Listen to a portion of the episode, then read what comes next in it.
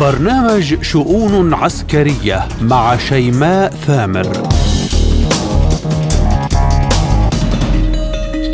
ملفات عسكرية وشؤون جديدة من وكالة سبوتنيك الإخبارية بموسكو. أقدمها لكم أنا شيماء ثامر أبدأها بأبرز العناوين. الناتو يدرس مد أوكرانيا بمقاتلات وتايفون البريطانية واحدة منها. العراق يواجه تحديات بسبب مي 17 الروسية وموسكو تدعو دول الشرق الأوسط لتعاون في مجال تصنيع السلاح. تحية طيبة من جديد وإلى تفاصيل ملفاتنا لهذا اليوم. يعتزم أعضاء البرلمان الأوروبي خلال اجتماعهم في فرنسا بمناسبة مرور عام على بدء العملية العسكرية الخاصة في أوكرانيا.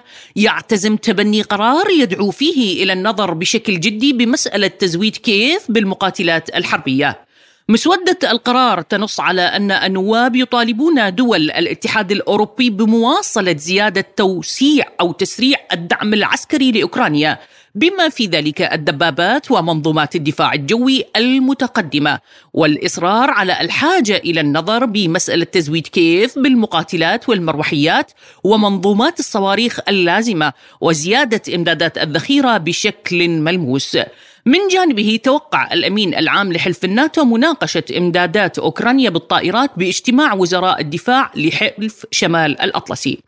بريطانيا من جانبها قللت من احتمال تسليم كييف مقاتلات تايفون من طراز قديم وقالت أنها ستبدأ تدريب طيارين أوكرانيين. لكن وبخطوة جدية وغير مسبوقة الجيش الأمريكي يدرس إرسال آلاف الأسلحة وأكثر من مليون طلقة ذخيرة إيرانية الصنع بحسب ادعائهم لمساعدة كييف في الحرب. فما هي لعبة واشنطن الجديدة وإلى ماذا تخطط؟ للحديث بشكل موسع. أستقبل معي من سوريا الخبير العسكري الدكتور فراس شبول. مرحبا بكم دكتور. معنا بشؤون عسكرية وبداية دكتور فراس. واشنطن تدرس إرسال أسلحة إيرانية مصادرة إلى أوكرانيا كنوع من الدعم العسكري وهي التي كانت تتهم طهران بمد موسكو بالمسيرات بالعملية الخاصة. يعني كيف تكيل واشنطن الأمور بمكيالها، وهل هنا واشنطن تحاول مغازلة طهران عسكريا أم هناك لعبة أمريكية أخرى دكتور؟ يعني كما نعلم ويعلم الجميع القاصي والداني بأن الولايات المتحدة آه هي لا تحاول تبديل سياستها بالكيل بمكيالين، هي سياسة ثابتة متوازنة عند الولايات المتحدة تلعب على جميع الأطراف وتنحاز في النهاية إلى الجانب أو الطرف القوي أو المنتصر. يعني بمعنى أنها إذا أيقنت وهي تيقن تماما بأن روسيا ستنتصر في هذه المعركة س توجه الوجه الأبيض باتجاه روسيا وعلى أساس أن تقيم معها علاقات دبلوماسية ولقاءات قادمة. لذلك الولايات المتحدة الأمريكية في هذا الوقت بالذات تستنزف كل ما تملكه من أسلحة لأن لها المصلحة الكبرى في ذلك من بيع أسلحة وتوريد أسلحة وقبض مبالغ مالية من أوروبا بحجة دعم أوكرانيا. لذلك تقوم بكل ما يتيسر لها من بيع وتوريد هذه الأسلحة. بالدرجة الأولى تفيد اقتصادها والدرجة الثانية تشعل فتيل الحرب بين روسيا الاتحادية وأوروبا الغربية بما فيها بمجله أوكرانيا، لذلك الولايات المتحدة لا تكيل بمكيالين في هذه الحرب فقط هي في كل السياسات الدبلوماسية والعسكرية العالمية. منذ تاريخ نشأة الولايات المتحدة هي تقوم باللعب على جميع الأطراف. تجد بأن المصلحة لها في هذا الطرف تنساق إليه بكل بساطة وكل وضوح ولا يعنيها أحد آخر في العالم. دكتور تتضارب التصريحات الغربية حول مسألة إمداد كييف بالمقاتلات الحربية والناتو يدرس بالفعل مد كييف آه، بها وبريطانيا تقلل من إمكانية إرسال آه، تايفون. كيف تقرأ هذا الملف وأعني ملف الإمدادات العسكرية الذي وصل إلى مرحلة الإمداد بالمقاتلات الحربية؟ أنا أعتقد وأكاد أجزم بأن الولايات المتحدة لا يمكن أن تغامر بسلاح هو من صناعة الولايات المتحدة ويكون هذا السلاح هو فعال في الولايات المتحدة. قد تغامر في أسلحة من أوروبا الغربية لتو... لتعلم مدى جدوى هذه الأسلحة ومدى قدرتها على مقاومة السلاح الروسي. لكن أن تزج الولايات المتحدة في سلاح أمريكي هو من صنعها وهو حديث ومتقدم. لينكسر هذا السلاح وينكشف آه، خلفيته. أعتقد أن هذا الأمر بعيد كل البعد. يعني لا يمكن للولايات المتحدة أن تضع طائرات حديثة من طراز الإف وتزجها في الحرب مع روسيا وتسقط هذه الطائرات ليبان بأن السلاح الأمريكي لا جدوى له في الحروب. لذلك هي قد تغامر في بعض الأسلحة الحديثة الأوروبية الغربية وهي لا تدفع تكلفتها الولايات المتحدة بل تقبض من وراء هذه الأسلحة بتسليمها إلى أوكرانيا. وبالمقابل تستفيد ب يعني بمدى قدرة هذه الأسلحة بمقاومة السلاح الروسي كما ذكرت. لذلك زج الأسلحة نعم هو وقد يكون حديث من أوروبا الغربية لكن أعتقد و لا, لا, لا يمكن أن يكون حديث من صناعة الولايات المتحدة. يعني لا تغامر بأسلحة حديثة هي من صنع الولايات المتحدة الأمريكية. هي تجرب جميع الأسلحة المصنعة في العالم بأسره وهي تغامر فيها يعني لا تغامر فيها من حيث الخسائر الأمريكية هي تغامر فيها من حيث معرفة مدى قدرات السلاح الروسي على التصدي لهذه الأسلحة إن كان من الطائرات المسيرة أو من الطائرات الحربية المقاتلة أو من الأسلحة التقليدية من دبابات وغيرها لتعرف مدى قدرة والاستفادة من آه، الخبرات في مدى قدرة هذه هذا السلاح على مواجهة السلاح الروسي. أما أن تزج الولايات المتحدة في سلاحها الحديث لا أعتقد على الإطلاق أنها تقوم بهذه الخطوة. قبل الختام معكم دكتور يعني مستشار بالبنتاغون وبتصريح لصحيفة أمريكية سخر من قدرة أوكرانيا على شن هجوم مضاد في الربيع وشكك من قدرتها على القيام بأي عمل عسكري آخر. كيف تقرأ تلك التصريحات لمستشار سابق في وزارة الدفاع الأمريكية. روسيا الاتحادية يعني تضبط نفسها بأعلى درجات ضبط النفس في هذه العملية العسكرية التي تحولت إلى حرب مفتوحة وواسعة مع الغرب وهي لا تريد أن تقيم ضحايا بالعدد الذي يمكن أن يقام إذا استخدمت جزء بسيط ويسير من الأسلحة التقليدية أقول التقليدية الروسية في هذه الحرب. بالمقابل أوكرانيا تزج هي وحلفائها في الناتو وغير الناتو بكل قدراتها وتجيشها الإعلامي والتسليحي لمحاولة جر روسيا إلى هذه الحرب المفتوحة. لذلك أقول لك بكل بساطة يعني لا يمكن للقوات الروسية الانكفاء أو محاولة أن يكسرها أحد في تلك المنطقة والعالم بأسره يعلم ذلك والولايات المتحدة على رأس هذا العالم الذي يعلم بأنه لا يمكن كسر روسيا الاتحادية في تلك المنطقة على الأقل يعني ولنا تجارب عديدة سابقة من الحرب العالمية الأولى والثانية وما قبلها. لذلك روسيا هي حريصة كل الحرص أن تنتهي بأقل الخسائر وقلب هذا النظام المتعالي والمتعجرف والمتسق مع السياسات الأمريكية نظام أوكرانيا. أما إذا أراد هذا النظام أن يجيش ويقوم بتقديم الأذية العسكرية والبشرية إلى القوات الروسية أعتقد بأن القوات الروسية قادرة على حسم هذه المعركة. أقول لك في أيام لم أقول لك في ساعات لأن الجزء البسيط الأول والتقليدي من الأسلحة الروسية هو مستخدم في هذه العملية العسكرية. ما بالك واستخدام آه، خمسون بالمائة من هذا السلاح التقليدي؟ أعتقد بأنه قادر يعني نحن لا نتكلم بالأماني والعواطف والأمنيات نحن نتكلم بالواقع. أعتقد أن السلاح الروسي قادر على اقتحام أوكرانيا من شرقها إلى غربها ومن شمالها إلى جنوبها في أيام ولكن روسيا لا تريد ذلك على الإطلاق. تريد أن ينصاع وينقلب هذا الحكم والنظام البالي المتعلق بالولايات المتحدة ولا تريد من الشعب الأوكراني أي شيء يسيء للعلاقات الروسية الأوكرانية. ولكن تريد أن تقلب هذا النظام الذي يهدد الأمن القومي الروسي في تلك المنطقة. لذلك روسيا أعتقد بأنها قادرة على هدم هذا البنيان الأوكراني بشكل سريع وتقني ويعني وبدون وبأقل خسائر ممكنة.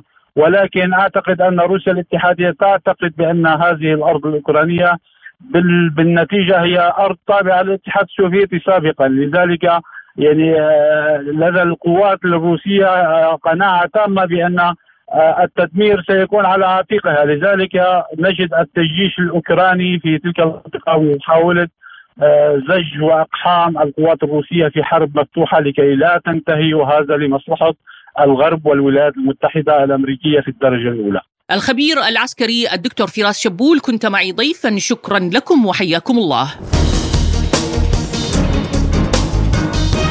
إلى العراق أكدت وزارة الدفاع الأمريكية أن قيادة طيران الجيش العراقي تواجه تحديات في قتالها ضد تنظيم داعش الإرهابي بسبب عدة عوامل وبحسب الوزارة فإن الأحداث في أوكرانيا تؤثر على قدرات القوة الجوية العراقية بسبب عدم وجود قطع غيار لمروحيات مي 17 روسية الصنع.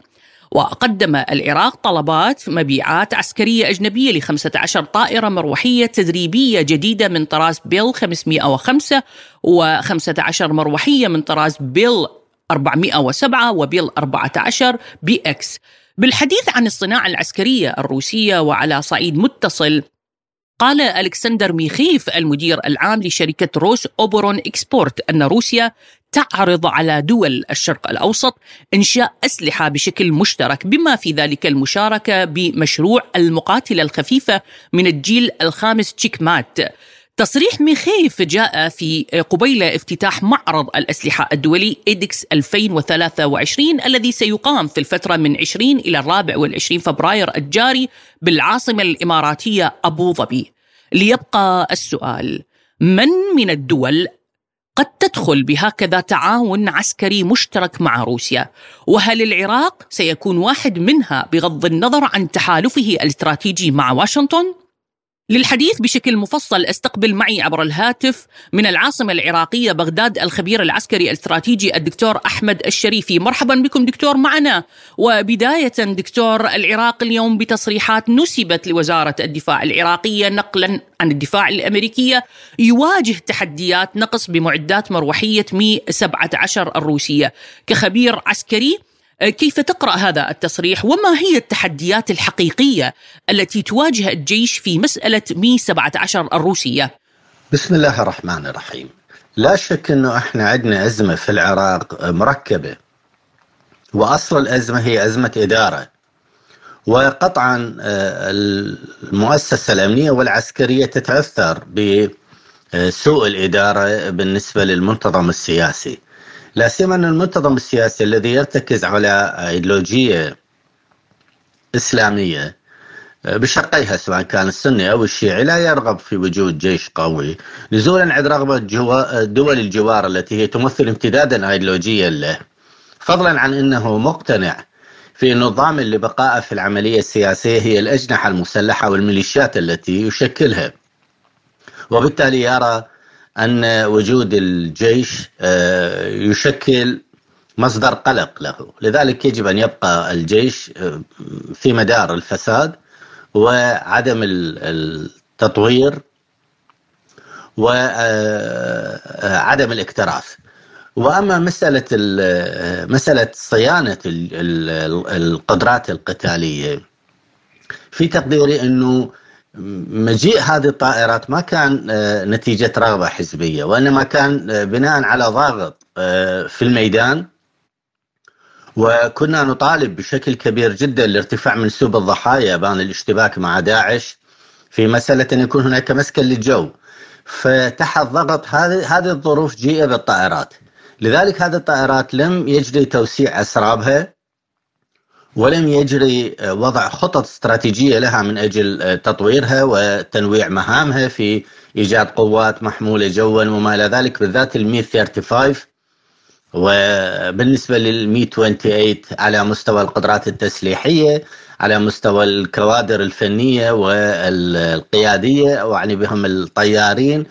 وحتى الآن فيما يتعلق في موازنة 2023 التي هي أيضا متأخرة بسبب الأزمات السياسية آه، قالوا أن الجيش لن يذهب باتجاه آه، رفع منسوب التسليح وإنما سيعتمد على في هذه الموازنة على الصيانة وتجهيز بقية الأمور أي بمعنى أنه لن يطور من قدراته القتالية وهذه هي بالأساس رغبة لدى الأحزاب كما قلنا. فإذا أزمة الصيانة هي ليست أزمة بالحقيقة بالنسبة للعراق بما يمتلكه من موارد عالية وبمحدودية عدد السلاح وإنما هناك سوء إدارة وما يؤسف إلى أن سوء الإدارة أخذ مدى في التأثير على أداء المؤسسة العسكرية والأمنية لأدوارها الوظيفية والآن هي خاضعة إلى الأحزاب.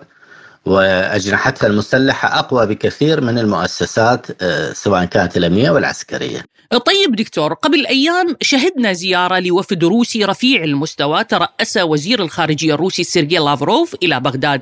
هل كانت هذه الزيارة تحمل في طياتها تعاون قد يكون عسكري أو حديث عن معدات عسكرية؟ هل تطرق الجانب الروسي إلى مسألة التسليح العراقي؟ في تقدير الزيارة كانت عبارة عن تنفيذ لرغبة روسيا بالتوجه باتجاه العراق والانفتاح مع العراق في أمور كثيرة منها على سبيل المثال الطاقة الاستثمار في مجال البترول الغاز وكذلك الطاقة الكهربائية وهناك كثير من الأمور منها كانت الأمور العسكرية. ادراكا من آه، القيادة أنه لا يزال العراق بحاجة إلى رفع قدراتها القتالية وأنه التسليح الروسي هو يمثل ضمانة لوجود آه، آه، رغبة شعبية في التسلح من قبل روسيا. هناك استعداد على مستوى المؤسسة لتقبل السلاح الروسي والتعامل معه والتفاعل معه بشكل أكبر.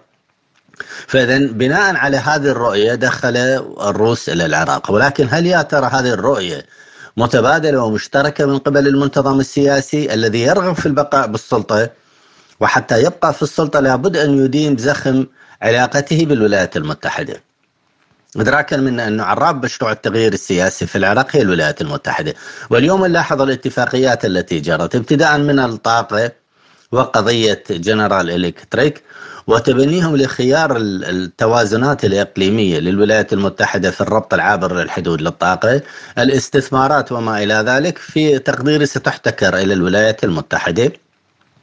والمنتظم السياسي منساق في هذا الأمر، سبب انسياقه إنه هو بسبب الفساد وسوء الإدارة يعاني من حالة أزمة على مستوى القواعد الجماهيرية والقبول الجماهيري، وبالتالي إذا رفض الاشتراطات الأمريكية سيعزل سياسيا عبر الانتخابات وسيؤتى أو يجيئون ببدائل، لذلك هو انساق بشكل كبير جدا وهذا الانسياق يجعل المحاولة بالحقيقة غير ناجحة. انفتاح روسيا على على العراق يحتاج إلى إرادة سياسية وطنية يحتاج إلى شخصيات سياسية حرة مستقلة غير مقيدة بالتزامات مع الولايات المتحدة وهذا الأمر غير حاصل ولا يوجد مثل هكذا نموذج فاعل ومؤثر في عملية صنع القرار السياسي في العراق وأن القوى الوطنية تعاني من العزل السياسي بسبب آه، هيمنة الأحزاب التي لا ترى إلا آه، مسألة آه، ديمومة بقائها في العملية السياسية بصرف النظر عن المشروع الوطني، لأنه أنا في تقديري أن المشروع الوطني في العراق يقتضي الانفتاح على دول أخرى وعدم تسليم العراق للاحتكار الأمريكي لأنه سيؤثر بشكل كبير جدا على هيبة الدولة وسيادتها فضلا على أداء مؤسساتها. عذرا آه، دكتور يعني على المقاطعة مع اقتراب معرض إيدكس للصناعات العسكرية الروسية لعام 2023 آه الذي سيكون بأبو ظبي. روسيا تدعو دول الشرق الأوسط إلى تعاون مشترك بمسألة تصنيع السلاح. العراق واحد من البلدان المهمة بالشرق الأوسط ولاعب مهم بالمنطقة. هل من الممكن أن يكون العراق واحد من البلدان الذي سيدخل بتعاون عسكري مع روسيا؟ علما أن لديه تحالف استراتيجي مع واشنطن. بالحقيقة آه، المعرض لا يحتاج إلى إيضاح التطور للقدرات آه، الصناعية العسكرية لروسيا. واضح جدا من خلال المتابعة أن هناك ثورة في تقنية استخدام الجو.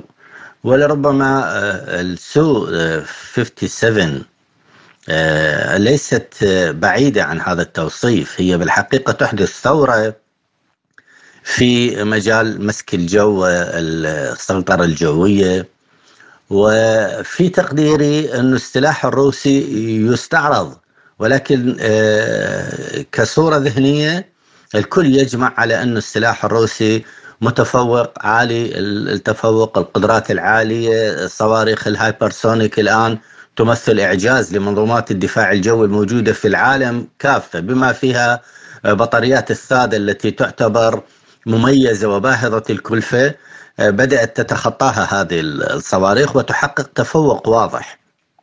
وما يجري بالمناسبة في أوكرانيا وإلى الآن إصرار روسيا على أن العمليات هي عمليات خاصة ولا ترتقي إلى مستوى الحرب. هو يدلل على آه، آه، استناد روسيا إلى قدرات تسليحية عالية جدا في إدارة المعركة تجعلها في حالة تفوق في مواجهة آه، الناتو.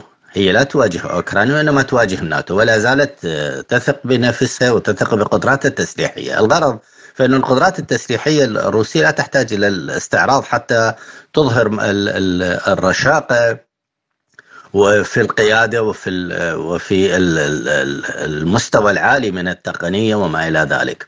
ولكن المشكلة بالنسبة إلى العراق تختلف. العراق مقيد ليس فقط مع الولايات المتحدة. العراق مقيد مع دول الجوار بالتحديد تركيا وإيران.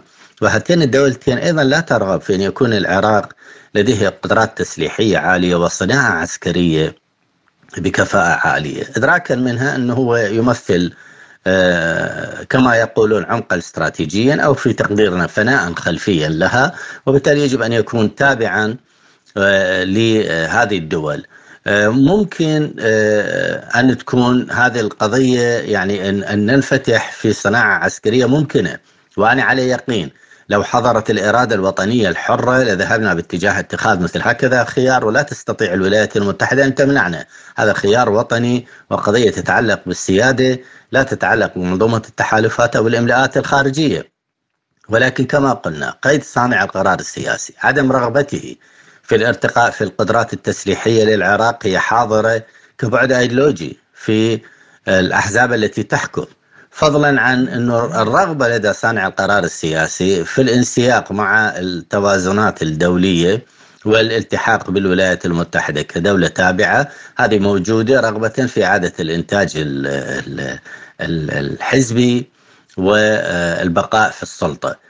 فمسألة مسألة أن نقول أن الولايات المتحدة هي التي تعيق لا الذي يعيق هو غياب الإرادة الوطنية القادرة على الانفتاح على روسيا والضامنة لأن يكون هذا الانفتاح انفتاحا إيجابيا لأنه إحنا يوم كان هناك لقاء مع الوفد الروسي قلنا أن هذا اللقاء يمثل طموحات الشعب العراقي ولكنه لقاء سيكون بأيدي غير أمينة وثبتت الحقائق ذلك.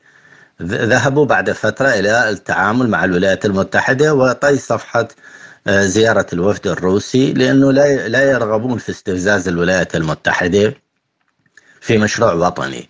الكل لا يرغب في إيجاد مشروع وطني بالنسبة للولايات المتحدة وبالتحديد أعني بالكل دول الجوار لا ترغب في عراق قوي وحتى يكون العراق قويا لابد من وجود جيش قوي والجيش القوي هو الذي يعتمد على قدرات تسليحية غير مؤدلجة وغير آه، آه، في يحضر فيها البعد السياسي وفي تقديري هذه لا تتحقق إلا بالانفتاح على روسيا ابتداء من الصناعة العسكرية وانتهاء بالقدرات التسليحية ولكن متى؟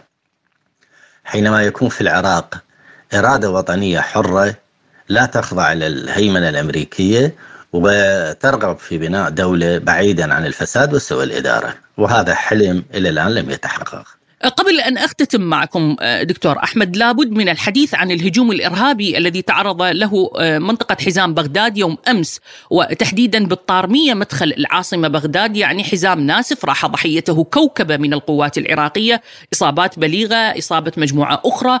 كيف تقرأ هذه الانتكاسة الأمنية على مشارف العاصمة بغداد؟ وهل يحاول داعش الإرهابي إرسال رسائل من هذا الاستهداف الذي جاء عشية مناسبة دينية في العراق؟ يحييها أبناء المذهب الشيعي. بسم الله الرحمن الرحيم. لا شك أنه هذه الحادثة تأكد مخاوفنا السابقة. اللي تحدثنا بموجبها عن أنه التهديد لا زال قائم وقدرة المشاغلة والتعرض للتنظيم متاحة. في ظل متغيرات سياسية بالحقيقة لا تصب في مصلحة آه، إعطاء فرصة للمؤسسات الأمنية والعسكرية في أخذ دورها في أداء مهامها الوظيفية. على اعتبار هذا السجال السياسي يؤثر بشكل مباشر على حسن أداء القطاعات وجعلها في حالة حيطة وحذر. التوقيت في هذه الحادثة من حيث الزمان والمكان من حيث المكان عدنا لنتحدث عن الخاصرة الرخوة وهي حزام بغداد والتي لا زالت تشكل آه، هاجسا امنيا لم يجري تخطيه بسبب سوء الإجراءات المتخذة وبسبب الأوضاع السياسية التي لطالما كانت سببا آه، في اذكاء الأزمة. ثم التوقيت الزمني لا يخلو من رغبة في إعادة إنتاج البعد الطائفي والصراع الطائفي، على اعتبار إنه هذا الصدام الطائفي تنتفع منه آه، دول كثيرة فاعلة ومؤثرة في مشهد التوازنات سواء كانت الإقليمية والدولية. فإذا نحن أمام تحدي بالحقيقة كبير ولا زال يشكل تهديدا يمس أمن وسلامة الدولة وموقف مؤسساتها الأمنية والعسكرية في تأمين استراتيجية ردع ضامنة لعدم تكرار مثل هكذا تجارب. فإذا أمام هذا التحدي بالحقيقة نقول أنه التهديد لا زال قائم ويفترض على الجانب السياسي أن يسعى بشكل سريع لحسم كثير من الملفات السياسية بغية إعطاء الفرصة للمؤسسة الأمنية والعسكرية أن تعمل بفضاء أوسع من الحرية وبدعم وبإسناد سياسي سواء كان على مستوى الدعم المالي في تأمين مستلزمات إدارة المعركة أو المعنوي في وضع المؤسسة بأيدي الأكفاء وبأيدي المتخصصين والمحترفين لإسكات مثل هكذا تهديدات. آه، الاستحقاقات للمرحلة القادمة خطرة جدا في ظل ضاغط إقليمي قد يدفع باتجاه التصعيد وكسر الحدود امنيا كما كسر الحدود في فترة داعش عسكريا ومسألة الاختراق والتنافذ وصولا إلى حزام العاصمة بغداد وهي معقل صنع القرار السياسي هذه إشارة خطرة. آه، نأمل من صناع القرار السياسي أن آه، يتعاملوا معها بحذر شديد وأن يعدوا العدة لتحسين آه، أسلوب إدارة الدولة ووضع الاستراتيجيات المناسبة في مرحلة تعد الأخطر في ظل متغير إقليمي ودولي. لا يخلو من صراعات لدول كبرى قد تؤثر على الميدان العراقي امنيا وعسكريا. الدكتور أحمد الشريف الخبير الاستراتيجي. نعم الخبير العسكري الدكتور أحمد الشريفي كنت معي ضيفا كريما شكرا لكم وحياكم الله.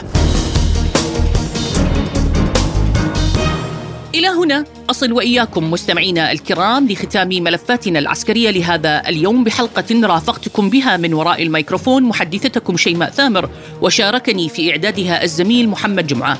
شكري موصول لضيوفنا بهذه الحلقة كل من الخبير العسكري الدكتور فراس شبول والخبير العسكري الاستراتيجي الدكتور أحمد الشريفي.